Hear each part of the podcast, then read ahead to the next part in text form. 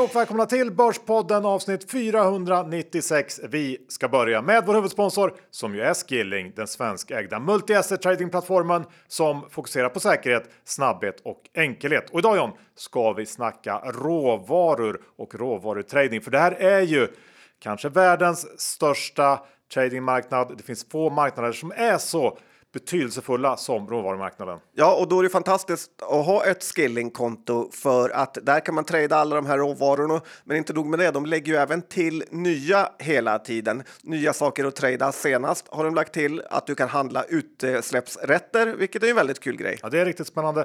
Jag såg också att de lagt till eh, råvaror som nickel, zink, Eh, aluminium och så vidare. Det finns över 20 stycken råvaru CFDR att välja bland. Och John, dessutom så kan man ju då uttrycka sin syn på marknaden genom att både gå lång och kort, eh, vilket ju är riktigt, riktigt bra. Och det jag gillar med råvarumarknaden är ju att om man har en makrovy så kan man ju på väldigt många sätt eh, uttrycka den genom råvaror. Ja, och eh, det som är härligt med att trada CFD är ju också att du slipper leverans av de här eh, råvarorna, utan du tradar dem som en aktie i princip. Precis, så att eh, se till att öppna ett konto hos Skilling om ni inte redan har gjort det. BankID är det som krävs och vi har ju sagt det förr. De har en fantastisk kundtjänst som hjälper till om man behöver någon hjälp och de pratar också svenska där. Men kom ihåg att 75 av retailkunder förlorar pengar när de handlar CFD så Skilling.com för en fullständig ansvarsfri skrivning. Och med det John så säger vi ett stort tack till Skilling. John, vi har nu nått de lite mindre bolagen i rapportperioden och eh, många, inklusive oss, kanske tycker att det här är den roligaste delen av rapportperioden eh, för att det händer mycket. De små bolagen är ju lite mer spännande. Ja, det är lite Super Wednesday idag med ofattbart många rapporter och många som berör eh, dig och mig personligen på ett djupare plan Johan. Det är så det har blivit med aktier. Ja, så det är ganska bra stämning här i Börspodden-studion idag. Det är det och det kommer ni förstå varför om en liten, liten stund. Men inte nog med det. Vi är också sponsrade av det norska SaaS-bolaget Smartcraft den här veckan och vi har fått oss en liten pratstund med deras vd Gustav Line som eh, den var riktigt intressant tycker jag. Det ska man lyssna på. Ja, helt nytt typ av bolag som är väldigt okänt eh, här för oss svenskar. Johan Dr. Bergs Isaksson Index Story 22 12. Eh, eh, har du förresten märkt vilken klassiker det här har blivit, eh, våra indexutrop? Du kanske såg på vårt Instagramkonto hur, ja, det var kanske främst jag som blev hånad där, ganska kul. Kan vi inte spela upp det så lyssnarna som inte följer oss på Insta får höra hur det låter när en kille och sjukt nog hans tjej gör någon typ av indexrabbling på morgonen. Ja, de ligger ju i sängen dessutom. Men det är ju härligt att folk ändå lyssnar på det sättet. Ja, och med ett John Skogman-filter utan hår och eh, ja, lite sådär sluddrigt tal. Ja, ja, men jag ska, jag ska leta upp den och slänga på den. Vänta lite här ska vi se. Johan Dr. Bass Isaksson. Index står i 2249. Och det är hås, hås, hås där ute. Ja, vad härligt. Ja, det är kul. Det är kul. Men John, börsen som sagt. Ja, det är lite eh, mer negativt nu faktiskt. Det var en jättedålig dag i USA igår och eh, vi kommer ner lite idag. Det är blandade rapporter, otroliga eh, reaktioner fortfarande på nästan varje rapport. Ja, men har det inte varit lite svagare den här sista veckan? Eller är det jag som inbillar mig det? Nej, jag håller med faktiskt. Ja. Oavsett om det har varit det eller inte så vet jag ju någonting med säkerhet och det är att vi nu står inför den notoriskt illavarslande vecka 9. Många kommer ju dragandes med alla hemska börsras som inträffat under oktober månad genom åren. Men jag tycker att man lite bortser från mars och mer specifikt då sportlovsveckorna i Sverige. Eh, vi har ju eh, Fukushima-olyckan, du kommer ihåg den? Det är jag verkligen. Eh, Då hade jag köpt en stor lägenhet just innan med, så det blev katastrof. Det var, vet du när det var? Ja, 2011. Ja, och det var vecka 9 så jag tycker att det kvalar i, eller vecka 10 menar jag. Det är ju väldigt nära. Norrlandssportlovet. Ja, precis. Straffa mig lite extra. Ja, och eh, det följdes ju eh, upp då 2011 av Greklandskrisen och eh, samtidigt så pågick ju den arabiska våren här under hela liksom första halvåret i bakgrunden. Så det var och det blev ett fruktansvärt uselt eh, börsår. Eh, sen slog ju pandemin igenom på allvar under just vecka 9 2020 eh, och Det var ju det värsta av allt. Man satt i bilen på väg hem från sportlovet och bara kände att nu kommer min eh, portfölj förintas. Ja, det gjorde den. ganska egoistiskt tänk. det gjorde den ju också. Det gjorde den. Ja, väldigt snabbt där.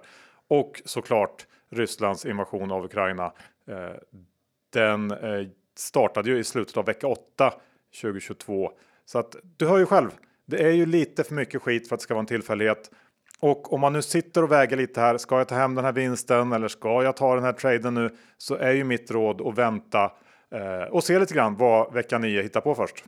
Ja, man tar det säkra för osäkra och gör inget dumt. Eh, sälj före köpa. Ja, jag tror inte att det är så dumt råd faktiskt. Men om vi ska gå tillbaka till rapportperioden så har ju den gått in i lite av en ny skepnad nu tycker jag. Där väldigt mycket fokus ligger på kassaflödet. Jag vet inte om du har, har tänkt på det på slutet?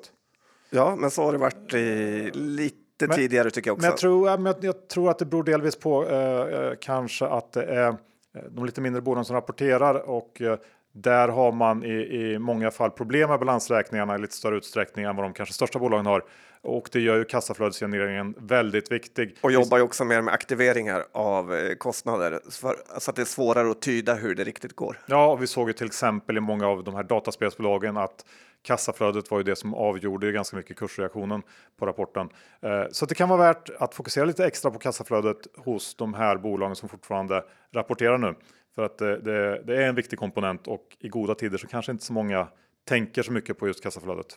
Nej, det man ska ha med sig är att bolag som växer eh, och går bra ofta har dåligt kassaflöde. Det behöver inte vara så dåligt alltid om man har en god balansräkning i övrigt. Så kan det ju vara också. Det finns många aspekter av kassaflödet.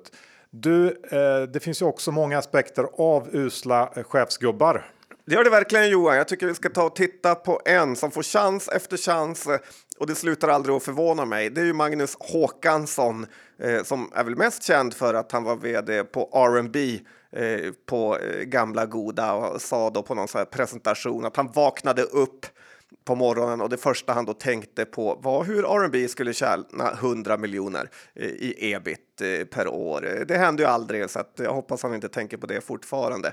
Han är också styrelseledamot i Mekonomen och nu senast så har han som vd kört Mediamarkt i botten Eh, och de ska lägga ner alla sina varuhus. Eh, Läste du hans analys varför eh, han tyckte att Mediamarkt eh, var en anledning varför de hade gått så Ja, dåligt? men det gjorde jag ju faktiskt. Ja, berätta. Ja, men det var väl att han tyckte att de hade inte. De täckte inte he, riktigt hela Sverige med butiker. Hade de bara öppnat par tre rejäla mediamarkt eh, lador till så hade det gått vägen. Ja, det är så vansinnig analys att det är helt otroligt. Helt värdelösa på eh, onlinehandel, men han ville öppna några till eh, lader. Kanske ska börja jobba på XXL här. Eh, det sjuka är ju att om du tittar på till exempel Best Buy i USA, eh, som är någon liknande kedja, går ju de eh, faktiskt rätt bra. Så att det är inte all teknik som bara går dåligt, utan det är snarare hur det sköts. Och ja, han har inte skött sina senaste jobb bra enligt mig. Nej, det har han inte. Och John, eh, nu har du faktiskt äntligen börjat oroa dig för någonting som jag har eh, hållit på och oroat mig för väldigt länge. Och jag tänker ju på den svenska konsumenten där ute. Ja, men det slog mig igår. Jag tittade på hur amerikanska eh, börserna gick på kvällen och eh, nu har den amerikanska konsumenten fått det verkligen tufft och de ligger ju eh, lite före oss då deras räntor har höjts eh, både fortare och eh, högre och snabbare än vad eh, våra har gjort. Och igår kraschade, eller i varje fall gick ner väldigt mycket, både de med Home Depot, Nordstrom, flygbolag, massa andra konsumentrelaterat gick ner väldigt mycket. För nu spekulerar man här att räntan kommer höjas med 75 punkter i USA och det kommer bli ganska mycket, ja, stor höjning och det kommer bli ganska hög ränta i USA nu. Sverige Eh, tycker jag att vi ser också mer tecken på att det eh, börjar märkas att folk har mindre pengar. Bland annat eh, har ju de här påskresorna som jag kollat lite på blivit väldigt mycket billigare på bara några veckor. Det är stora rabatter på charterresor och flygbiljetter var inte alls så dyrt som det var tidigare. Eh, Man får konstanta mejl från biluthyrningsföretag som ger eh, stora rabatter och olika deals. Så att jag är faktiskt lite orolig att vi kommer gå mot eh, tuffare tider än vi kanske har trott för bara eh, ett litet tag sedan. Och det här, räntorna har ju faktiskt inte slagit igenom eh, ännu Nej, men och, och den här laggen är ju så, så himla lätt att underskatta tror jag. Eh, man tänker att det har redan hänt nu och det går ju bra ändå. Men jag tror ändå att man underskattar den här laggen Eh, som eh, framförallt räntehöjningarna liksom har inneboende i sig. Det tar ett tag innan det slår igenom fullt ut. Plus att man i många fall kanske haft eh, en extra stor buffert efter pandemiåren. Börsen gick bra, man la undan mycket och så vidare och har kunnat beta av på den lite grann. Och det tror jag också börjar ta slut. Men vi får se. Eh, jag tänker eh, ta upp något som hänger ihop lite grann med det här och det är ju då eh, de här oväntat höga inflationssiffrorna i Sverige som vi fick i veckan. Man kan ju se paniken på Brunkebergs torg framför sig nu hur eh, Thedéen eh, inte riktigt ville börja så här.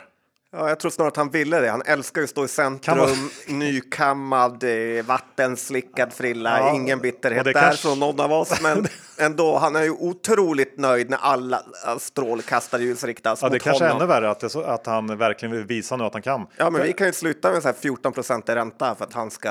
Vara tuff. Ja. ja, ja, precis. Och jag börjar ju få rejäla 2008 flashbacks från när Ingves våldshöjde rakt in i en av de djupaste lågkonjor som världen skådat. Eh, vet du när Riksbanken genomförde sin sista räntehöjning den gången?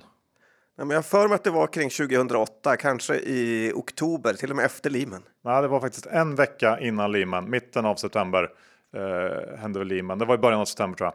Så det var ju ändå väldigt, väldigt sent som eh, Ingves höj, ändå höjde trots att det var uppenbart för alla att det här var ju en monsterkris ja, som pågick. Ja, då hade ju börsen gått ner i ett års tid och eh, USA var rejält på dekis. Ja, och det kan ju också vara värt att påminna i det här sammanhanget om att Fed, eh, de började ju sänka räntan eh, redan ett år innan Lehman gick under. Eh, alltså i, där hösten 27, 2007. Eh, nu pratas det om att Riksbanken kommer att höja eh, mer och snabbare för att kompensera för att man började höja för sent. Och eh, många pratar ju om att Sverige riskerar att bli den stora förloraren här. Jämfört med resten av Europa så har vi dels mycket högre inflation då och vår ekonomi går redan sämre och givet hur extremt räntekänsliga Sverige eh, också är så riskerar ju Riksbanken nu att verkligen knuffa ner oss i en, eh, en riktigt djup lågkonjunktur. Och då kommer vi tillbaka till det här med att vi har en helt färsk riksbankschef bakom rodret som säkert vill visa sig handlingskraftig. Det tycker jag ökar den här risken för att han kommer att ta i för mycket. Ja, det man får ge Ingves från gamla goda var ju att när han insåg att han hade fel så gjorde han ju några brutala räntesänkningar ganska så fort eh, efter, eh, vilket ändå eh, räddade. Det snällt att ge honom någonting ja, där. Ja, men ändå. Han gjorde fel, men sen försökte han fixa till det. Jättefel gjorde han. ja. ja. Ja, visst. Eh, vi fortsätter med ett litet tvärt råd av eh, John Skogman. Ja, för även om man är eh, negativ till inflationen och eh, att vi kommer få eh, högre räntor så vill jag ändå ge ett råd som går tvärt emot alla andra sparekonomer och låtsas förstå sig påare som inte vet lika mycket som jag. Och det är ju det här med att man ska amortera på bolånet. Jag tycker verkligen inte man ska göra det bara för att räntan blir högre. I någon, här, någon typ av Claes Hemberg-råd att du får i alla fall en garanterad avkastning eh, då du slipper betala ränta på det du amorterar. Men det är precis tvärtom man ska göra nu när räntan är hög och inflationen är hög och ingen annan har råd att köpa aktier och vanliga pengars värde gröps ur. Det är precis då man ska spara i aktier. För om tio år kommer ett bolån fortfarande vara lika stort i nominella siffror, men nästan garanterat kommer aktiemarknaden att ha presterat mycket bättre och du kommer tjäna något otroligt mycket mer på en längre tidshorisont på att köpa aktier istället för att amortera. Och ju högre inflationen blir och högre räntan blir, desto mer lönsamt kommer det vara att köpa aktier på lite längre sikt. Jag vet ju själva när man pratar med gamla gubbar eh, vilket bolån de har kvar så är det så här 28 000 typ. Ja, nej, ja, du har ju rätt i sak tycker jag. Uh, givet att man har råd så visst, uh, gör så. Och är långsiktig längre än ett kvartal eller två. Och vad mer ska man sluta med då? Ja, något Finanssverige måste sluta med uh, tycker jag. Det är det här Pinpoint. följer du dem? Ja, eh, precis. De här liksom användargenererade eh, rapportestimaten. Exakt, och eh, jag tycker det var en bra idé från början, men det har ju blivit eh, helt betydelselöst då folk använder det här för att lowballa estimaten för sina egna bolag.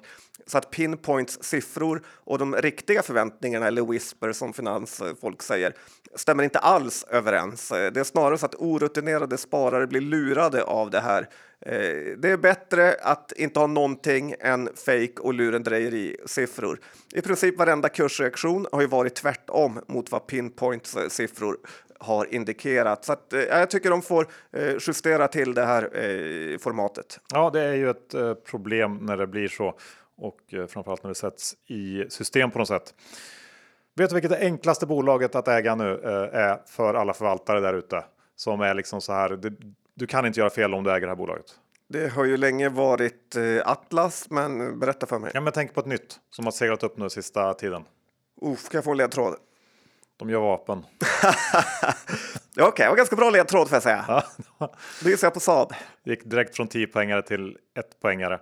Eh, precis, och Saab har ju rusat efter sin rapport. Eh, men om man ska vara ärlig så var den ju inte något speciellt ändå. Det var lite som Saabs rapporter brukar vara fin orderingång, lite halvdan lönsamhet, men det är inte det som är grejen här. Och visst, jag är fullt medveten om att vi lever i en annan värld nu än för bara ett år sedan. Utsikt, utsikterna för Saab ser ju eh, väldigt, väldigt bra ut och jag kan ju köpa att många tycker att aktien är intressant. Men framförallt så är det ju det här, den här grejen att man kan inte göra fel om man köper Saab som förvaltare nu. För några år sedan så var det lite fult att ha Saab i portföljen. Många fick inte av ESG-skäl och om man nu ägde den här aktien så var det ju absolut ingenting man skyltade med. Det var väl typ bara så mittregger som alltid pratar om Saab i, DI och så vidare. Men det Ja. var ju verkligen en hatad aktie. Och grejen är att- Nästan så att det var stolta att inte äga den. Ja, och det här var bara för ett drygt år sedan. Eh, Och då var det helt omöjligt att se det här skiftet komma. Och såg ut, Saab såg ut att vara ett mer eller mindre hopplöst case för alltid. Och det här kan vara värt att påminna sig om. Det gäller ju eh, väldigt många aktier och branscher och när man minst anar det så vänder trender. Eh, Och det gäller ju såklart åt bägge håll. Så jag tycker att det är intressant bara som en liten case study att titta på det här i, i Saab eh, just i det här fallet. då, Men det händer ju i många bolag. Ja, så är det verkligen. När det är tillräckligt hatat, det är då man ska köpa det. Men det kan ta lång tid. Och det, ibland behövs det någon yttre påverkan för att få igång caset.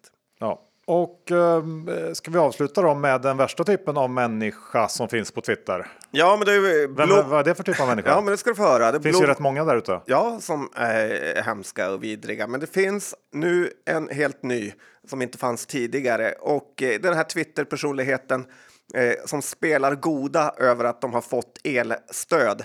Men skriver något i stil med är det verkligen det bästa staten kan göra med sina pengar och ge till oss som har råd? Alltså det är så fruktansvärt vidrigt. Jag kan inte med ord beskriva hur hemska eh, typen den här eh, människor är. För i grund och botten är de galna i pengar, för de har direkt kollat upp hur mycket de eh, fick. Men de kan inte hålla låtsasgodheten inom sig. Så, ge bort pengar då, gör vad ni vill med dem, men ni behöver inte spela goda. Jag kommer i alla fall vara väldigt eh, nöjd med de 15 000 jag fick i elstöd och ja, sätta sprätt på dem för att få igång ekonomin. Vi har den vecka med oss vår exklusiva fondsponsor Fidelity. Rickard Bentefor, vi ska titta tillbaka lite på er analysundersökning eh, du har nämnt tidigare. Det verkar finnas en hel del ljusglimtar bland bolagen där, stämmer det? Ja, eh, det tycker vi kunna se och eh, det var ju som en av analytikerna skrev det. Det verkar som om det är en skillnad mellan vad som diskuteras i styrelserummet och vad som faktiskt rapporteras in i bolagen. Och om vi tar lite tal här, 60 procent av bolagen anser ju nu redan att de är i en recession. Så kanske kan då momentum i bolagen ha vänt till slutet av 2023. Och vi vet ju alla det att aktiemarknaden har ju en tendens att agera före eh, konjunkturer eh, vänder på olika sätt. Men störst risk som vi ser det är ju för en ytterligare så kallad black swan eh, i aktiemarknaden. Och vad är då en black swan? Ja, en black swan var ju till exempel om vi blickar tillbaka till 2022 Ukraina-invasionen. Eh, så att de här stora geopolitiska riskerna som finns där ute det är att vi vill inte ha en sån under det här året för att det tror vi inte blir bra för aktiemarknaden. Men sen är också lånekostnaderna, det är faktiskt oroande eh, och framförallt då hur de kommer påverka bolagen. Det är bra för bank, bland annat då, som kan fortsätta ta marginaler. Men även konsumentrelaterade bolag kan få det utmanande då köpkraften kommer ju minska, inte på mat dock, för där måste vi ju äta. Eh, men eh, ja, lånebiten för bolagen, det ska bli intressant att följa under det här året hur det utvecklas. Tack för det Rickard, men kom ihåg att investeringars värde kan minska och öka. Det kan hända att du inte får tillbaka det investerade kapitalet och historisk avkastning är inte en tillförlitlig indikator för framtida resultat. Åsikter uttryckta kan också redan ha agerats på. Vi säger stort tack till Fidelity International. Vi är denna vecka sponsrade av Cameo som ju är en investeringsplattform för säkerställa lån till företag med hög förväntad avkastning. Och John, vi brukar ju prata om vikten av att sprida sina investeringar utanför börsen och det har väl verkligen stämt här sista året där det gått väldigt mycket både upp och ner. Ja, så är det och det är så härligt att kunna eh, variera sina investeringar eh, lite grann. Cameo delar ju dessutom ut pengar varje månad via sina ränteutbetalningar och det tycker jag är extremt eh, härligt. Och sen kan man ta de pengarna och investera antingen i nya lån eh, hos Cameo eller flytta över dem till aktiemarknaden om den har eh, gått ner. Ja, och lånen på Cameos plattform har ju en fast årsränta som inte påverkas av hur aktiemarknaden går och det är då allt från 6 till 13% beroende på vilket lån du väljer att investera i. Och John, vi eh, har ju som sagt eh, varit med i ett projekt, eh, en hyresfastighet i Ronneby och om man tittar lite nu vad som ligger uppe, vad finns det någonting som du är intresserad av? Det går ju väldigt fort att fylla de här lånen. De är väldigt eh, populära. Cameo har ju en bra plattform. Jag tycker man ska ta en titt på. Just nu finns det möjlighet att investera i hyresfastigheter i Perstorp i Skåne om man vill vara med i det projektet och eh, då får man en årsränta på 10 Ja, så Cameo är alltså för dig som gillar att investera brett och som uppskattar passiv inkomst, vilket vi gör. Så gå in på cameo.se för att läsa mer och investera. Men kom ihåg att investera via Cameo har i stort sett gett en attraktiv snittavkastning på 8,7% Men precis som med alla investeringar så innebär det en risk eftersom historisk avkastning inte är någon garanti för framtida avkastning. Vi säger ett stort tack till Cameo! John, det känns som att eh, kanske småbolagens eh, riktiga så här crescendo av rapporter idag på onsdagsmorgonen. Ja, så innan eh, sportlovet, det är ganska genomskinligt att eh, vdarna tänker vara lediga. Ja, då vill man få ut rapporten. Eh, vad ska vi börja med då? Ska, vi, ska jag ändå låta det? För att det var ju lite av en pers här på morgonen. Eh, vi kom in bägge två tidigt. Det gjorde vi. Ja, satt och Väldigt väntade. tidigt, eh, halv eh, åtta. Ja, och eh, du eh, framförallt John var ju spänd får man säga. Det var ju både Kambe och Eldflugan idag som eh, stod på spel för mig. Ja, så det var både. Det fanns både möjlighet till glädje och förskräckelse. Ja, och man har ju ofta blivit eh, förskräckt eh, under rapportperioden, Ja. så att det är klart man var spattig. Men du skrek ju. Jag tänker vi kan börja då. Jag kan låta dig börja med Firefly för en gångs skull. För att du, du gick och la dig på soffan, blunda, vågade inte riktigt titta när eh, klockan slog 08.00 och Fireflys rapport damp ner.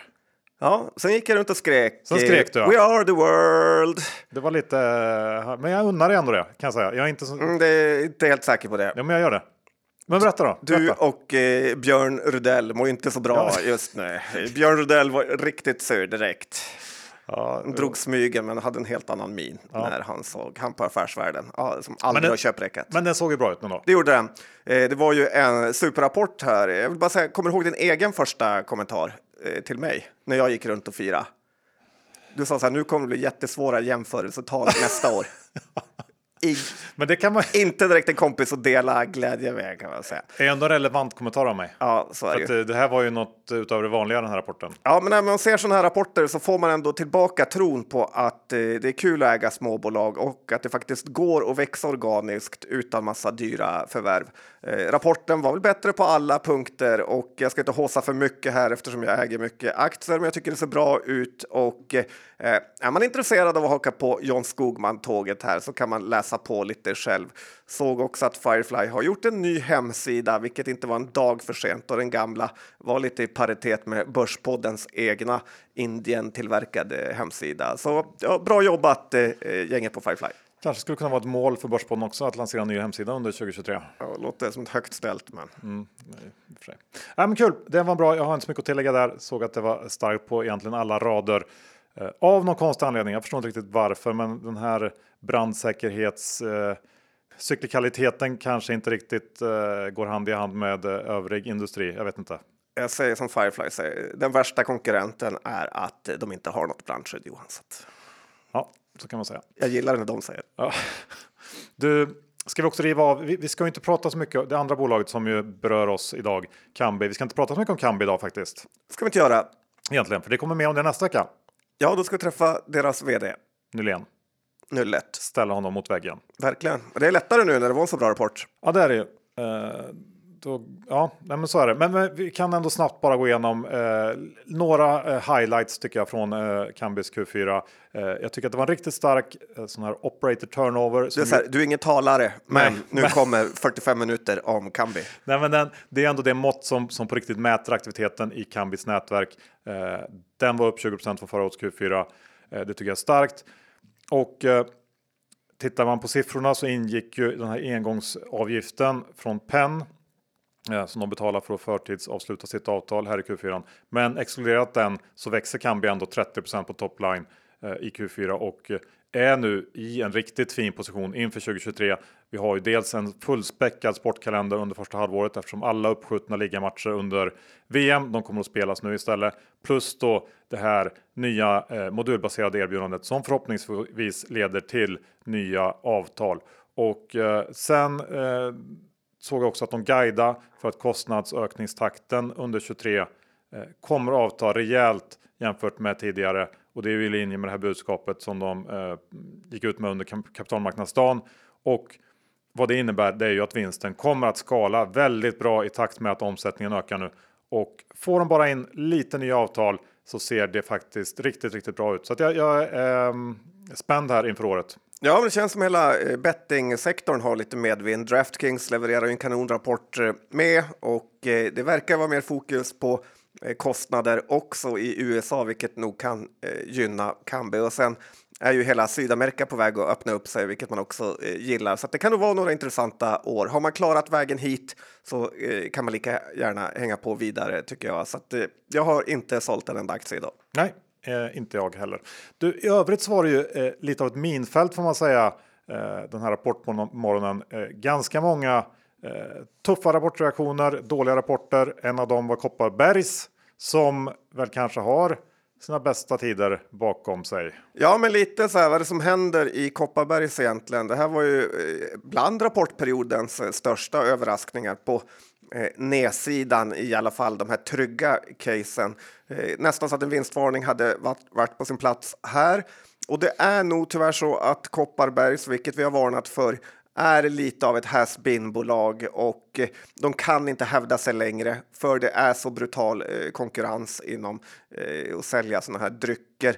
Man har inte kunnat kompensera sig för ökade råvaru och fraktkostnader och höjer inte Heineken eller Einhauser-Busch och allt vad de heter sina priser så kan inte Kopparbergs heller göra det. Och sen när jag var i London här för vad var det? Ja, några veckor sedan eh, så kändes det som faktiskt att, att Kopparbergs helt hade försvunnit. Nästan ingen pub, pub hade deras produkter eh, tyvärr, även om jag frågade.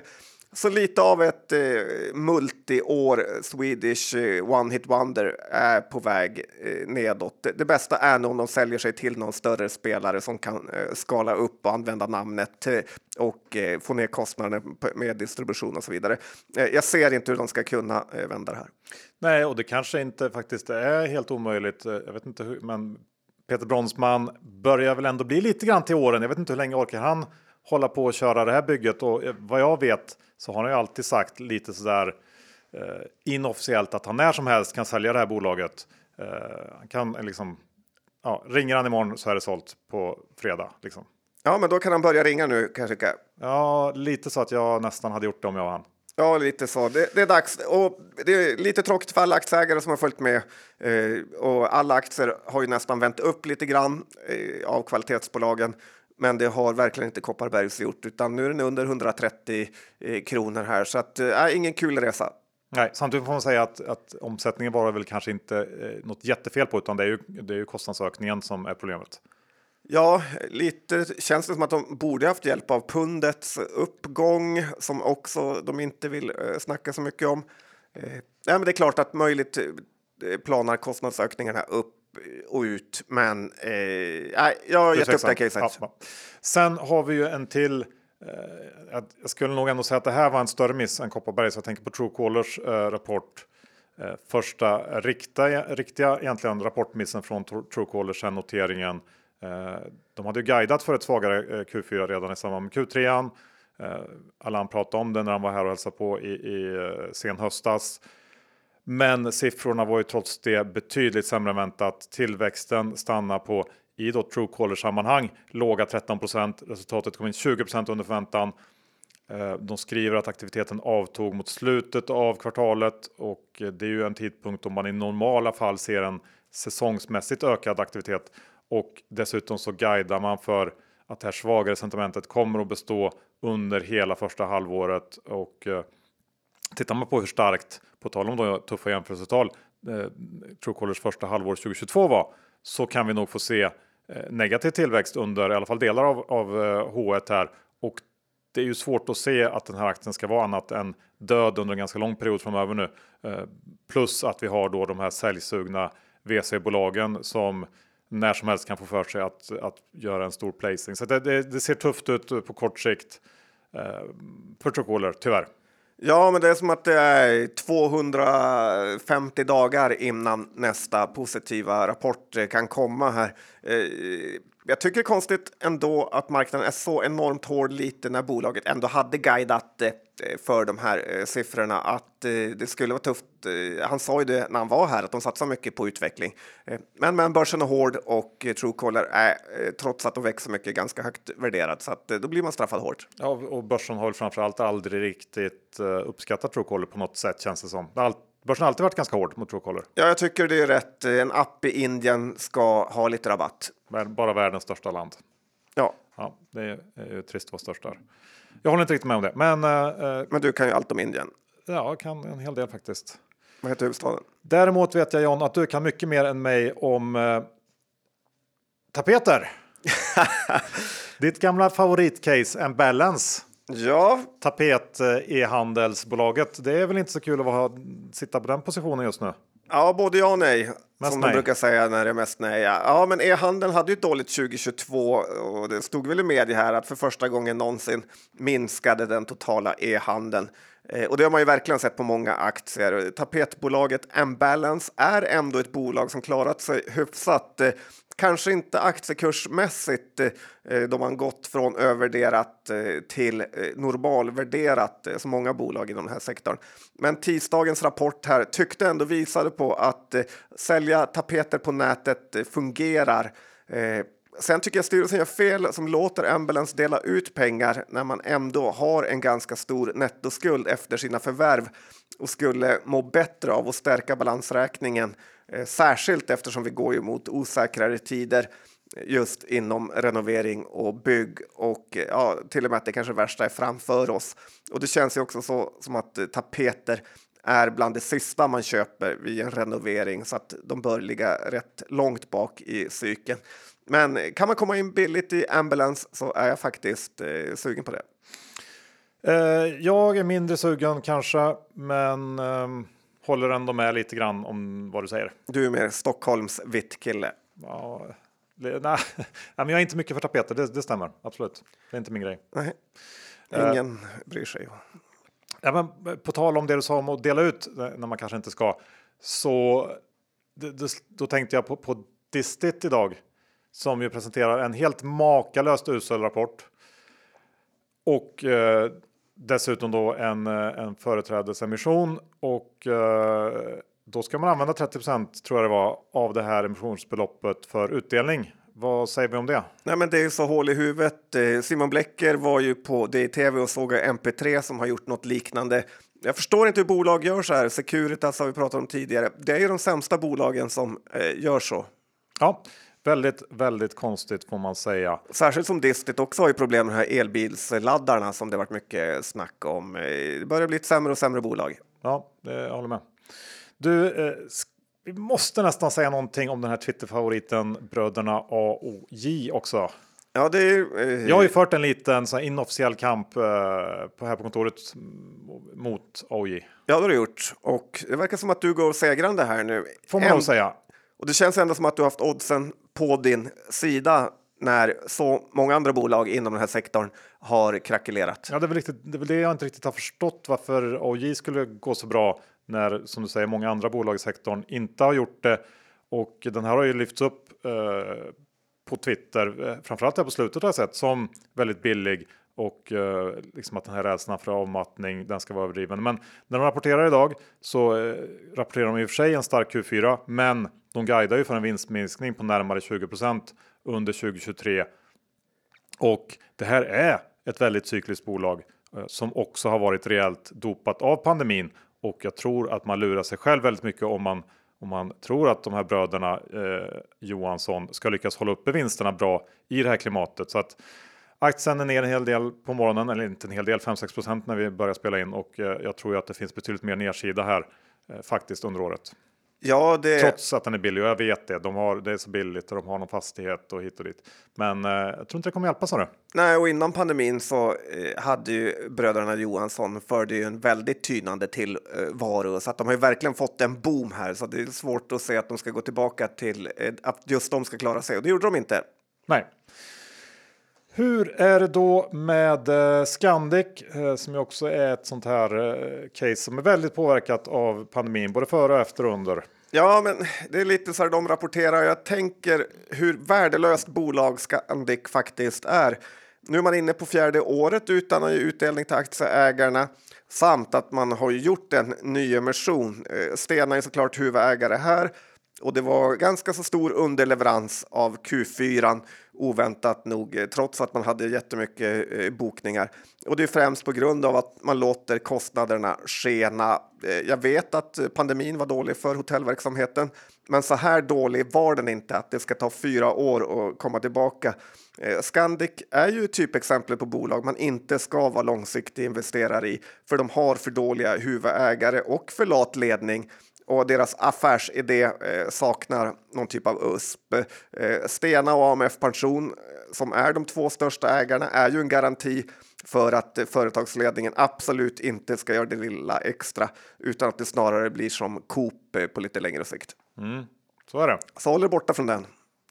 Ord och inga visor. Ja. Mm. Eh, Däremot så har du ju hittat någonting lite spännande i eh, smartögat, SmartEye, som ju är mitt uppe i sin då omtalade nyemission. Ja, och det kan ha öppnat sig en ganska intressant tradingmöjlighet här nu om det stämmer. Eh, ryktet säger att två fonder har missat att teckna i nyemissionen med sina teckningsrätter, vilket har inneburit att det har delats ut eh, väldigt mycket aktier utan företräde Eh, på 25 kronor som nu vräks ut i marknaden. Eh, aktien handlades stabilt kring 48-49 innan beskedet om hur nyemissionen fallit ut och sen har den nu tappat till 42 Bolaget har ju fått in sina pengar så det är ingen fara där. Eh, och det kan vara ett sånt där klassiskt köpläge då man ska våga köpa aktier som säljs av folk som fick överraskande stor tilldelning och cashar hem. Eh, det skulle också kunna vara så att någon har gjort något manuellt fel i eh, antingen på fonden eller investmentbanken som sköter emissionen och eh, i bästa fall så behöver de köpa tillbaka de här aktierna över börsen. Det är ju bara spekulationer såklart, eh, men det är ens jobb som trader att ha sådana. Eh, men det är något skumt att någon har låtit så här eh, många rätter värda många, många miljoner förfalla värdelösa. Så att det är någon som har gjort ett stort misstag och jag har lurat in BP-väskan och mig själv i det här. Kul! Ja, ja, men det, är spännande. det låter spännande tycker jag. Jag tycker att det där kan vara värt att kika lite närmare på faktiskt.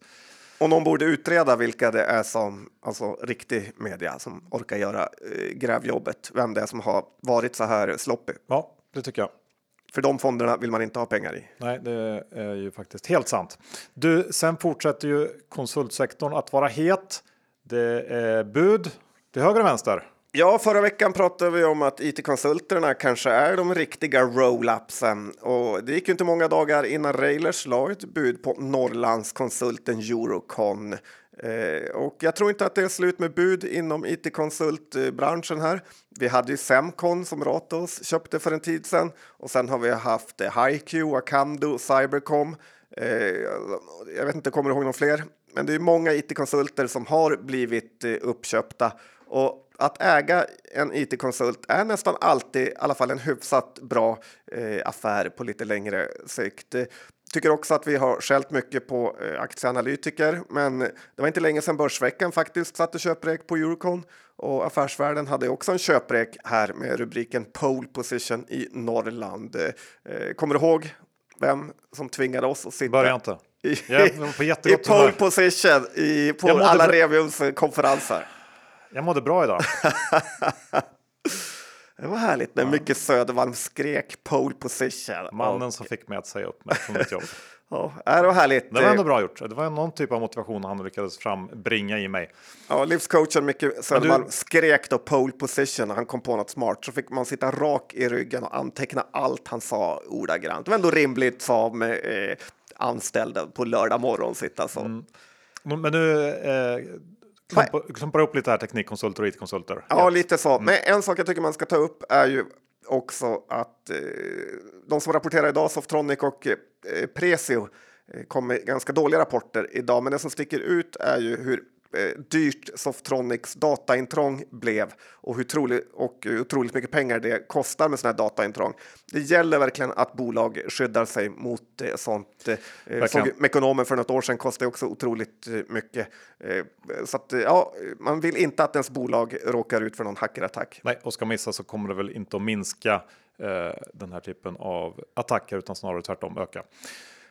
Jag tänker att eh, som eh, de dataspelare vi är John så tänker jag att vi ska titta lite på ett par dataspelsbolag också.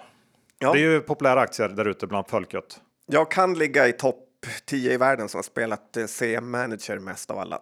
Mm. Det är typ bättre än att gå på Uppsala universitet att eh, spela det. Sköta en fotbollsklubb. Mm.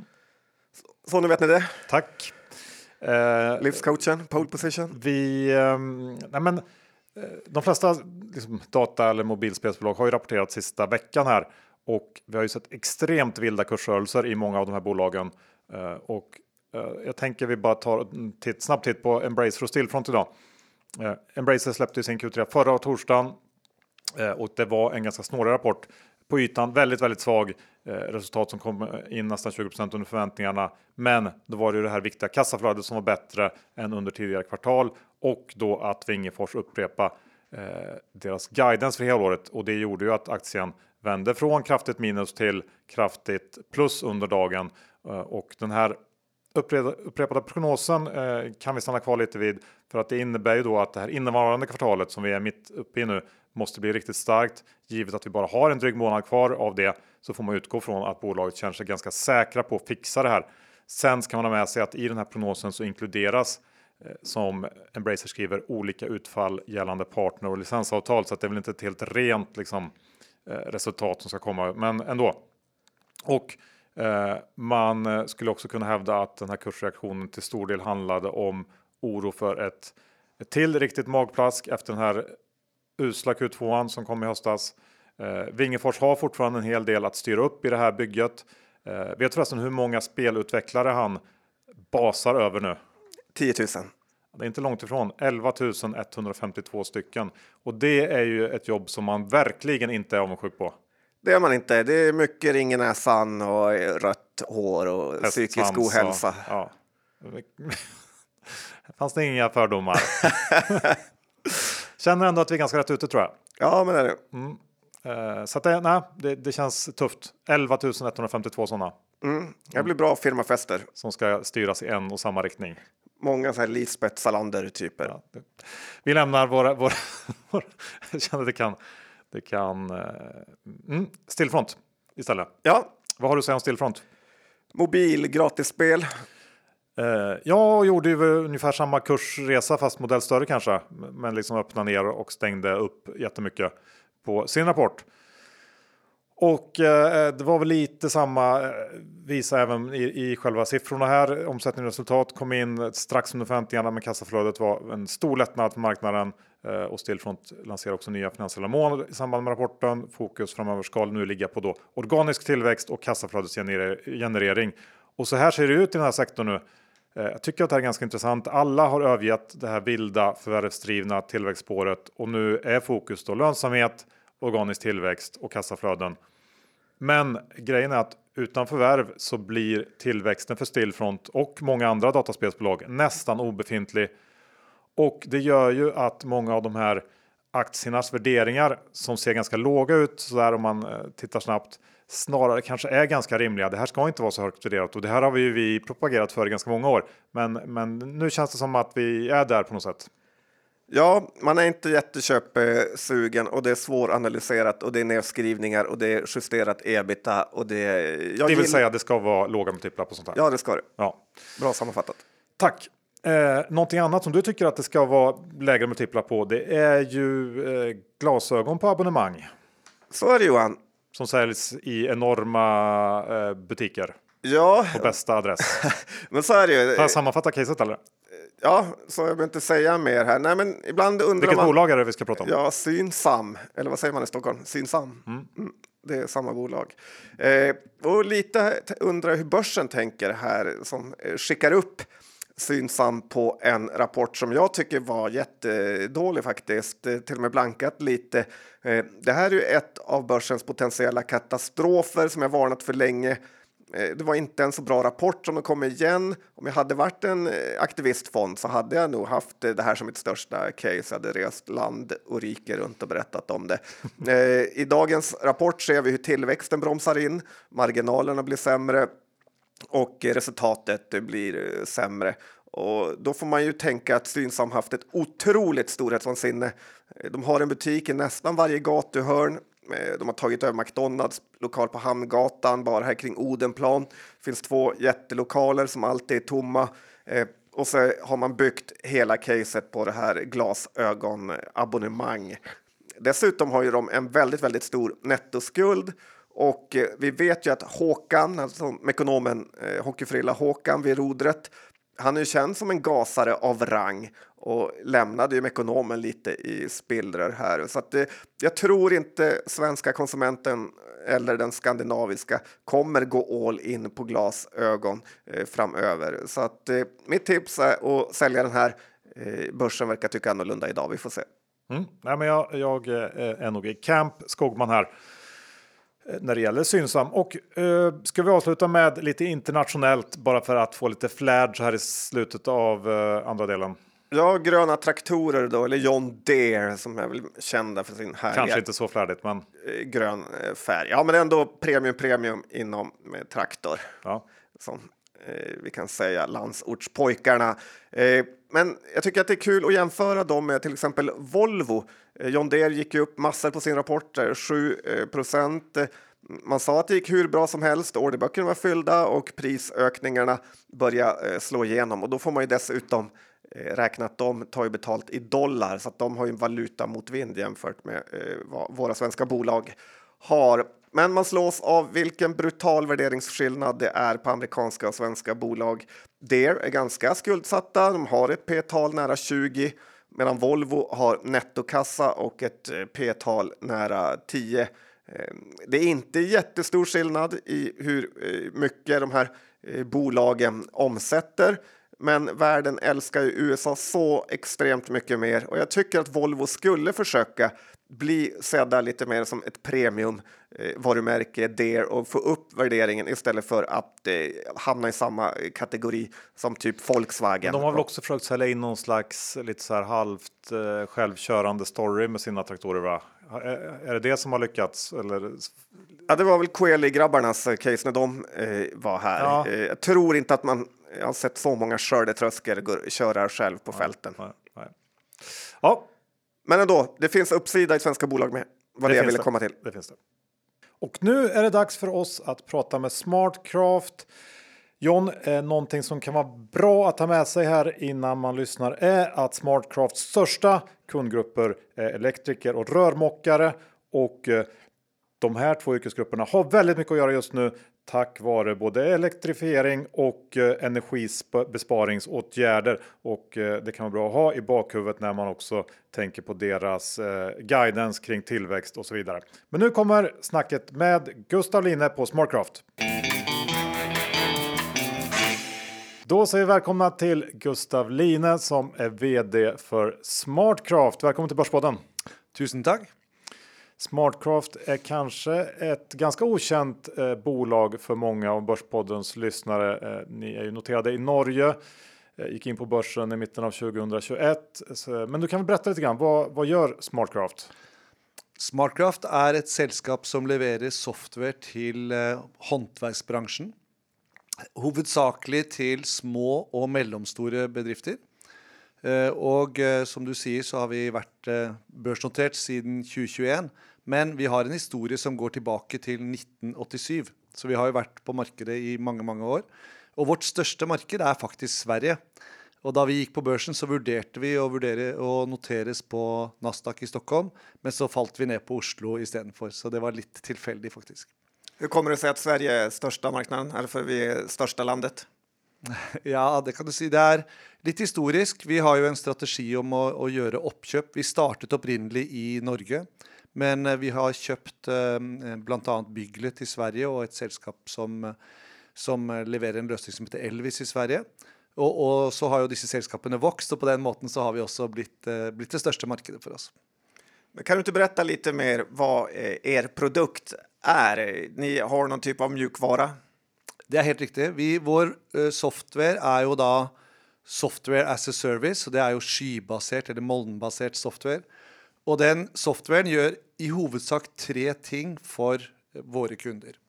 Det eh, är, och det är viktigt idag, ikke sant? Fordi eh, nå er det marginpress i markedet for, i byggebransjen. Och våra lösningar hjälper till med tre ting. och det ene är att hålla kontroll på människorna du har.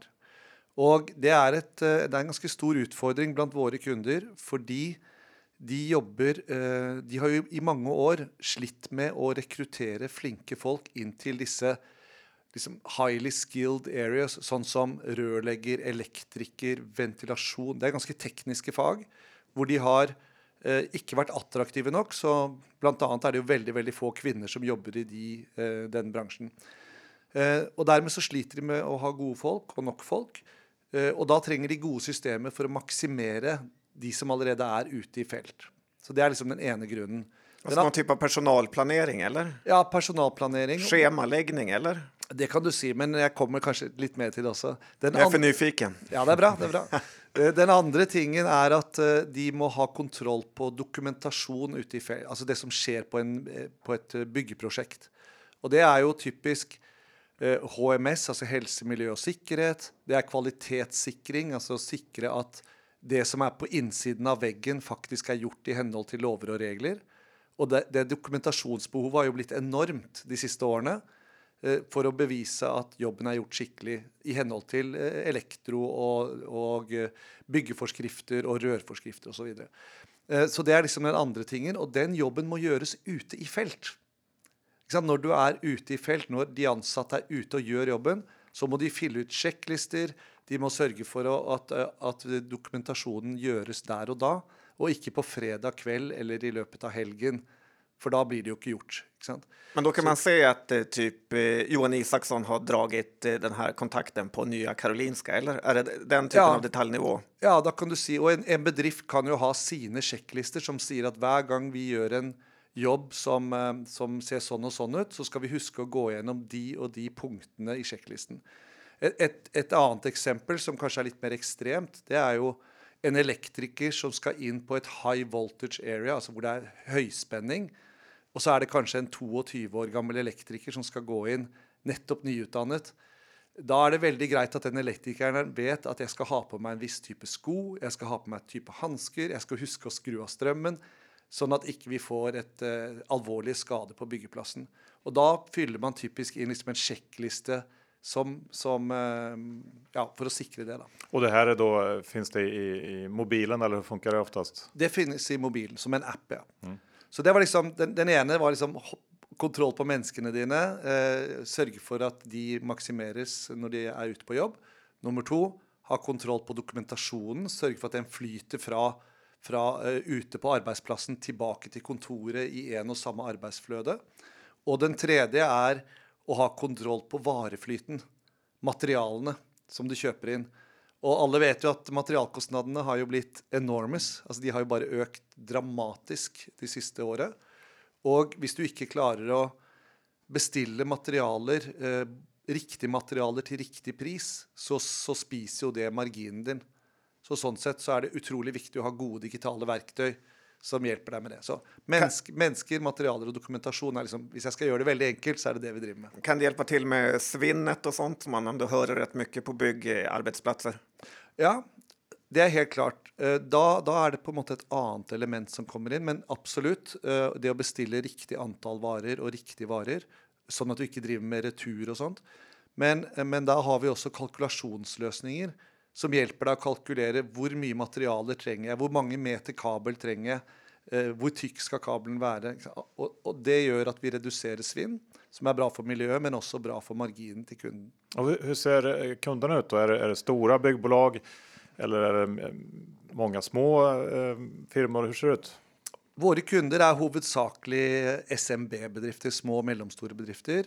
Eh, og de fleste av de jobber innenfor de bransjene jeg akkurat snakket om nå. Innenfor disse highly skilled, altså sånn rørlegger, elektriker, det området der.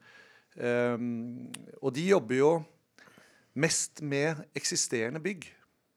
Ikke sant? Det er da eh, reparasjon, vedlikehold, oppgraderinger av eksisterende bygg. Sånn at når vi nå er i et marked hvor, hvor man leser at det er eh, mye turbulens i, i byggebransjen, så gjelder jo det hovedsakelig nye, store byggeprosjekter som disse ikke drabbes så mye av.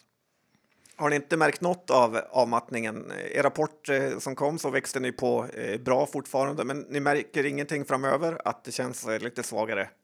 Altså vi, vi, har, um, vi tar liksom temperaturen på, på kundene, og vi med liksom ser på litt forskjellige datapunkter. Og et av de datapunktene vi har sett på, er hvordan kundene har det på, på vår store løsning i Sverige, som heter Bygglet. Og der, der ser vi f.eks. hvordan er fakturer, hvor mye fakturerer kundene våre i snitt fra måned til måned. Og da ser vi at de har vok altså hvor mye de fakturerer, har vokst hver måned gjennom hele 2022 i forhold til 2021. Og også vokst inn i januar 2023. Så januar 2023 er høyere enn januar 2022, også høyere. Så vi ser at vi har en hver eneste måned. För jag såg i rapporten, hjälper ni era kunder med invoice med eller betalningar? Nei, vi ikke med betalinger. Vi hjelper dem å sende ut fakturaen, men, men vi er ikke engasjert i selve betalingen. Ni betalar inte deras fakturor? Nei, det gjør vi. Och jag, jag såg också i rapporten att körnen var låg på 6 och det, det är ju ändå eh, relativt lågt och det kanske också säger någonting om, om att det fortfarande tuffar på bra för kunderna. Ja, vi, vi har hatt eh, lav churn i egentlig i alle år som vi har målt churn. Eh, vi hadde 6,3% i 20, samme periode i 2021. Och eh, Og så hadde vi 6,1. Så vi har gått litt grann ned år over år. Men vi har gått litt grann opp i forhold til forrige kvartal. Så litt vanskelig å trekke konklusjoner ut ifra det, men, men vår, vår churn er fremdeles veldig lav. Vad är anledningen till att de som slutar ändå eh, slutar? För man kan ju tänka sig att det är många som går i konkurs med i den här branschen.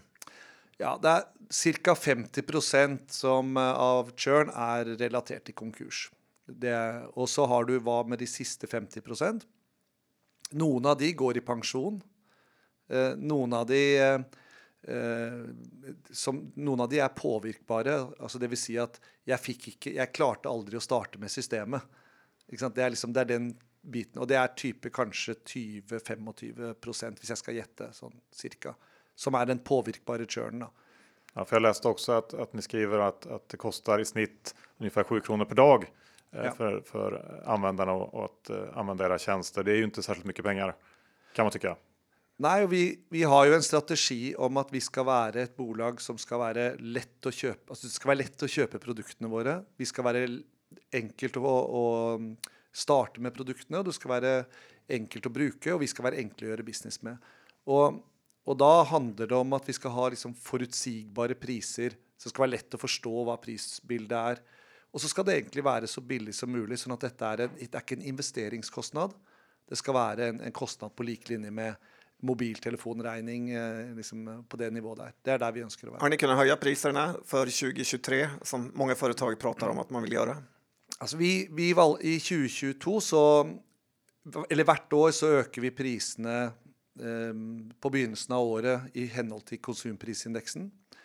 Og når inflasjonen økte gjennom 2022, så valgte vi å ikke øke priserna prisene for våre kunder. og det var veldig mange av våre konkurrenter som gjorde det. Men vi valgte å ikke gjøre det, eh, fordi vi vet at mange av våre kunder har allerede hatt fastprisprosjekter hvor plutselig varekosten ble veldig høy. Og så valgte vi å heller si nei, vi, vi har gitt dem en faktura på begynnelsen av året, så får vi heller liksom la det være gjennom 2022. Når vi nå kommer inn i 2023, så kommer vi til å fakturere eh, på begynnelsen av året nå i henhold til konsumprisindeksen som er nå. Så det vil jo være på en måte høyere enn det det var i fjor. Peter Lynch på Fidelity brukar alltid prata just om att man ska titta på ett bolags konkurrenter. Eh, vilka är era konkurrenter då, som eh, du nämnde hade höjt priserna och så vidare? Och eh, som man ska frukta om man äger Smartcraft. Altså, den, det er jo uten tvil at vår største konkurrent er jo eh, ingen løsning i det hele tatt. For å være helt ærlig. Klassiker. Men det er jo, det er jo absolutt tilfellet. Altså, vi har gjort en undersøkelse som viser at eh, altså, det er jo De aller fleste har ikke det som jeg nevnte helt innledningsvis, dette med mennesker, materialer og dokumentasjon. Det at det er i ett system, det er de aller færreste av SMB-bedriftene som har. Så det er, det er ikke noe jeg bare sier, det er, det er fakta. Vi har eh, Av våre konkurrenter så har vi jo Admicom, som er en finsk aktør. Eh, og så har vi jo Håndverksdata, som dere helt sikkert kjenner til, som, som eh, også har vært en, en aktør lenge i det svenske markedet. Og de, de eh, Begge to vokser jo mindre enn oss, så vi tar jo markedsandeler og har høyere vekst. Så vi er veldig sånn positive. Men igjen, det er jo ikke Man skal aldri hvile i denne bransjen her, man skal bare bli bedre og bedre hele tiden. Ska vi, ska vi kort uh, bara gå in på Q4 som ni precis har släppt. Uh, ni växte uh, ARR 19 procent uppe i um, 318 miljoner norska kronor nu. Det börjar bli en hel del. Hur, hur, och den här tillväxten har ju sett väldigt stabil ut eh, ända sedan ni, sedan ni kom till börsen egentligen. Ni taktar på i, i någonstans här runt 20 procent. Ja, altså vi är vi er veldig fornøyd med Q4, speciellt fordi det är det syvende kvartalet hvor vi leverer i henhold till vad vi sa när vi gick på børs i 2021. Och eh, det är ju att vi ska ha en, vekst som, en organisk vekst som ligger mellan 15 och 20 och att marginene våre ska öka. Så, så som du sa, altså at vi har 19% vekst, og i tillegg har eh, en 41% margin, det er vi veldig fornøyd med. Men kanskje mest av alt at vi viser konsistens over tid. da. Ja, och, och hur ska man se på det här målet då? Du, du sa eh, innan här att ni, ni jobbar ju både med organisk tillväxt och med förvärv. Eh, nu har ni ju fin balansräkning, lån, en nettokassa. Ska man, ska man, hur ska man se på det här med förvärv kontra organisk tillväxt? Ja, så vi, vi har ju massor eh, masse göra gjøre i det nordiska markedet, så där är liksom potensialet väldigt stort. Vi önskar att köpa sällskap som är riktigt strategiska för oss. Eh, så vi har ju en förvärvsstrategi. Eh, det är sällskap som enten tillför oss kunder, nya kunder, eller som tillför oss ny funktionalitet, unik funktionalitet vi inte har i dag. Det är liksom ett ideellt scenario. Og så ønsker vi at de selskapene skal være SAS-selskaper, eller at i hvert fall ledelsen i selskapet har SAS eh, At de skjønner SAS, at de forstår SAS. da. Og så er det jo viktig at løsningene er eh, helst unike, men i hvert fall innenfor construction. Og eh, at, at de på en måte er skalerbare. At vi kan se at her er det begynt på en kommersialisering. Enten at de tjener penger og det, det ser bra ut, eller at de er på vei til å tjene penger. Så vi ser at kurvene peker riktig vei. Vi, vi er ikke så interessert i å kjøpe selskaper som taper masse penger, og, og prøve å turn them around. Vi vil gjerne få suksess med på laget og by, bygge videre på Smartcraft sin suksess. Eh, det som kanskje er litt unikt med, med Smartcraft, er jo at vi har gjort ni oppkjøp, og alle oppkjøp, eller forverv, og alle forvervene har vært lønnsomme. Vi har eh, økt omsetningen, og vi har økt EBITDA på alle de forvervene. Og som et eksempel på det, så gjorde vi jo to forverv i 2021. Eh, Homerun og eh, kvalitetskontroll. Og i 2022 så klarte vi å vokse omsetningen deres med Den økte med 29 mens EBITDA-marginen økte med 22 prosentpoeng. Så det var en ganske dramatisk eh, økning i eh, marginen. Så man kanske kan eh, säga att ni, ni ändå är lite, ni är lite picky när det gäller till förvärv. Eh, ni vill inte bara förvärva för, för sakens skull så att säga, utan det ska vara, ska vara rätt. Absolutt. Altså, vi, er, vi er veldig hardcore når det gjelder liksom å bygge et bra SAS-bolag. Altså, det, det, er, det, det, er det vi driver med. Og vi ønsker ikke å ha et uh, råttent eh, egg eller råtten frukt i, i kurven vår. Vi syns vi har så fine løsninger i dag. Men, men samtidigt så tänker man ju byggbranschen brukar man ju prata om som en av de minst eh, digitaliserade. Behövs det verkligen förvärv? Kan man inte bara fortsätta köra på eh, organiskt? Ja, den, den balansen den ser vi på. altså igjen, som du sa, vi, vi, kjøper ikke for å bare kjøpe, for å kjøpe omsetning. Vi kjøper fordi det skal være strategisk veldig bra for Smartcraft. Alternativt så bygger vi ting selv eh, fremover. Så, så, vi kommer til å gjøre begge deler, da. Både forverv og, og god organisk vekst er vår plan. Betaler dere med cash eller med egne aksjer? Eh, hittil har vi betalt med, med cash. Eh, men det vi typisk gjør, er å kjøpe et bolag 100% og så reinvesterer de eh, nøkkelpersonene i det bolaget noe tilbake igjen i Smartcraft, sånn at de har litt skin in the game. da. Om man tittar på vilka marknader ni är aktiva så är det ju Sverige, Norge, eh, ganska jämnstora. Men ni är ganska små i Finland. Vad beror det på? Ja, det, det, beror litt på historien vår. Der har vi gjort to oppkjøp i slutten av Altså ett oppkjøp i slutten av 2020 og ett oppkjøp i, slutt, i midten av 2021. Så vi er ganske ferske i, i, Finland. Mens i de andre landene så har vi jo holdt på i mange år og har en lang historie. Så eh, Finland er et litt, sånn, litt nytt marked for oss, men, eh, men bra potensial. Så får vi se hvordan det spiller ut de neste årene. Men det är, det är Norden som är fokus. Det finns inga planer på att eh, gå vidare ut i, Europa. Absolutt. Altså, vi har en Absolutt til Europa. Altså, vi, vi, har en strategi om å vokse inn i det europeiske markedet. Vi har egentlig tenkt for oss at Nordvest-Europa er den, det området vi ønsker å fokusere på. Det er jo et område hvor hvor de som jobber, betaler skatter, de følger lover og regler, de er ganske digitale. Det er viktige ting i forhold til de løsningene vi har. Så, så vi er på utkikk og i dialog med selskaper i eh, markeder utenfor også de markedene vi er i. En sak som är kul att titta på, det är ju ägarbilden. Kan du berätta lite om den? Ja, vi har, vi har ju en eh, ganska imponerande ägarbas. Vi har eh, i huvudsak ganska många stora internationella investorer eh, som har väldigt stor tro på Smartcraft. Vi har också en ganska stor en, svensk investor som heter Valedo, som har varit med oss sedan 2017. De, det är ett private equity-selskap som har, har, vært med liksom, på å bygge opp Smartcraft til vi gikk på børs, og nå eier ca. 40% av selskapet. Og så er jo de ansatte um, ja, og, og liksom relatert til de ansatte rundt 10% av selskapet, hvis jeg ikke husker feil. Klassisk fråga, men hvor mye aksjer eier du selv? Jeg eier ca. 1,2% av selskapet. Det är bra, pilotskolan. Mm. Mm. Ska vi avsluta Gustav då, med eh, lite eh, frågor kring utsikterna här eh, inför resten av året. Eh, byggbranschen har ju varit under lupp här under rapportperioden i alla fall i, i Stockholm. Man tittar väldigt mycket på orderingång och, och eh, minsta lilla signal kring, kring det här med, med hur byggsektorn går. Va, vad säger du om, om, nu har ju ni en annan affärsmodell. Ni har ju väldigt mycket återkommande intäkter eh, som ju såklart dämpar en hel del. Men vad säger du om utsikterna? Vi vi er, eh, vi er, veldig positive til eh, markedet, og vi er positive til våre egne utsikter. Vi eh, fortsetter med vår guiding på 15-20 Og si, det er flere grunner til det. Den ene grunnen er som du sier, at vi har en høy grad av repeterende inntekter. Den er jo på 96% som Hvis du sammenligner med andre bolag, softwarebolag, så er nok det noe av det høyeste som er faktisk i bransjen. Vi har också ökat våra antal kunder de senaste åren, så vi har liksom reducerat risiko. Vi har ju 33 procent fler kunder idag än vi hade när vi gick på börsen för ett och ett halvt år sedan.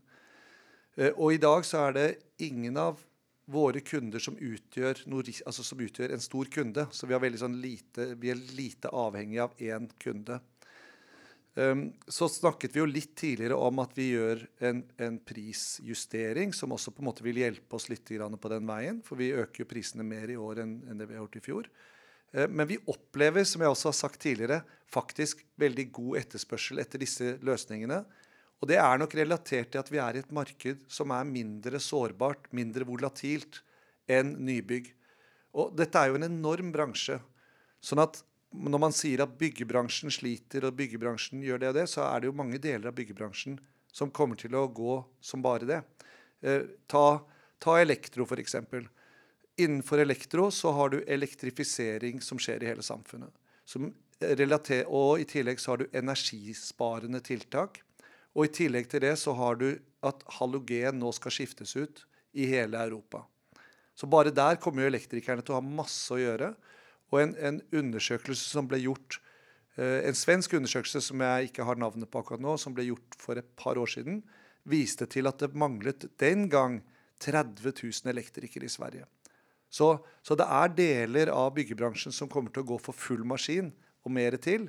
Eh, vi är representerade i den delen som handlar om service, vedlikehold och uppgraderingar.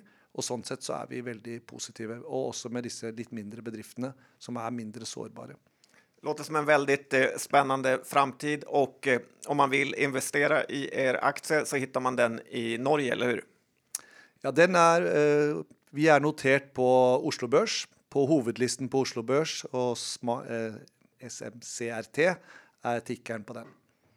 Spännande. Vi ska eh, fortsätta följa bolaget. Eh, tack för att du kom hit Gustav. Tusen takk skal dere ha. Slut på avsnitt 496 John. Vi ska ju såklart tacka vår huvudsponsor Skilling. Ja, nu behövs ju ett Skillingkonto mer än eh, någonsin egentligen. Va? Rapporterna sprutar in åt alla håll och kanter och kursreaktionerna är vilda, både upp och ner. Då vill man kunna gå lång, gå kort och man vill kunna göra det eh, i väldigt många olika instrument och det är precis vad Skilling erbjuder. Ja, det är så eh, fruktansvärt kul att trada runt i allt vad de erbjuder. Så att, eh, ja, skaffa ett konto. Ja, men kom ihåg att 75% av retailkunder förlorar pengar när de handlar på CFDR. Så bögskilling.com för en fullständig ansvarsfriskrivning. Och John, hur är det med innehav idag? Eh, vi har pratat om många bolag. Kambi äger jag. Jag med. Eh, vad har vi pratat om mer? Firefly äger jag, Synsam är jag kort för tillfället. Eurocon har jag också en liten eh, skvätt i. Och vi hade väl eh, Smarteye va, i den lite legendariska igen, eller? Börjar den? Ja, den är legendarisk. Mytomspunnen? Mytomspunnen. Ja. Ja, den är lång, eh, lite smart eye. Så att, vi får se vart det tar vägen. Spännande. Bra, eh, då är vi klara för idag. Hörs om en vecka igen. Ta det lugnt där ute. Hej då! Ta det lugnt. Hej då!